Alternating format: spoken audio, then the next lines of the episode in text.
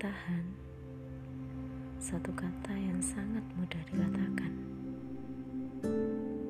Bertahan, kondisi yang saat ini harus kita lalui. Sampai kapan akan bertahan? Akankah harus bertahun-tahun atau berbulan-bulan? Atau mungkin hanya menghitung hari saja?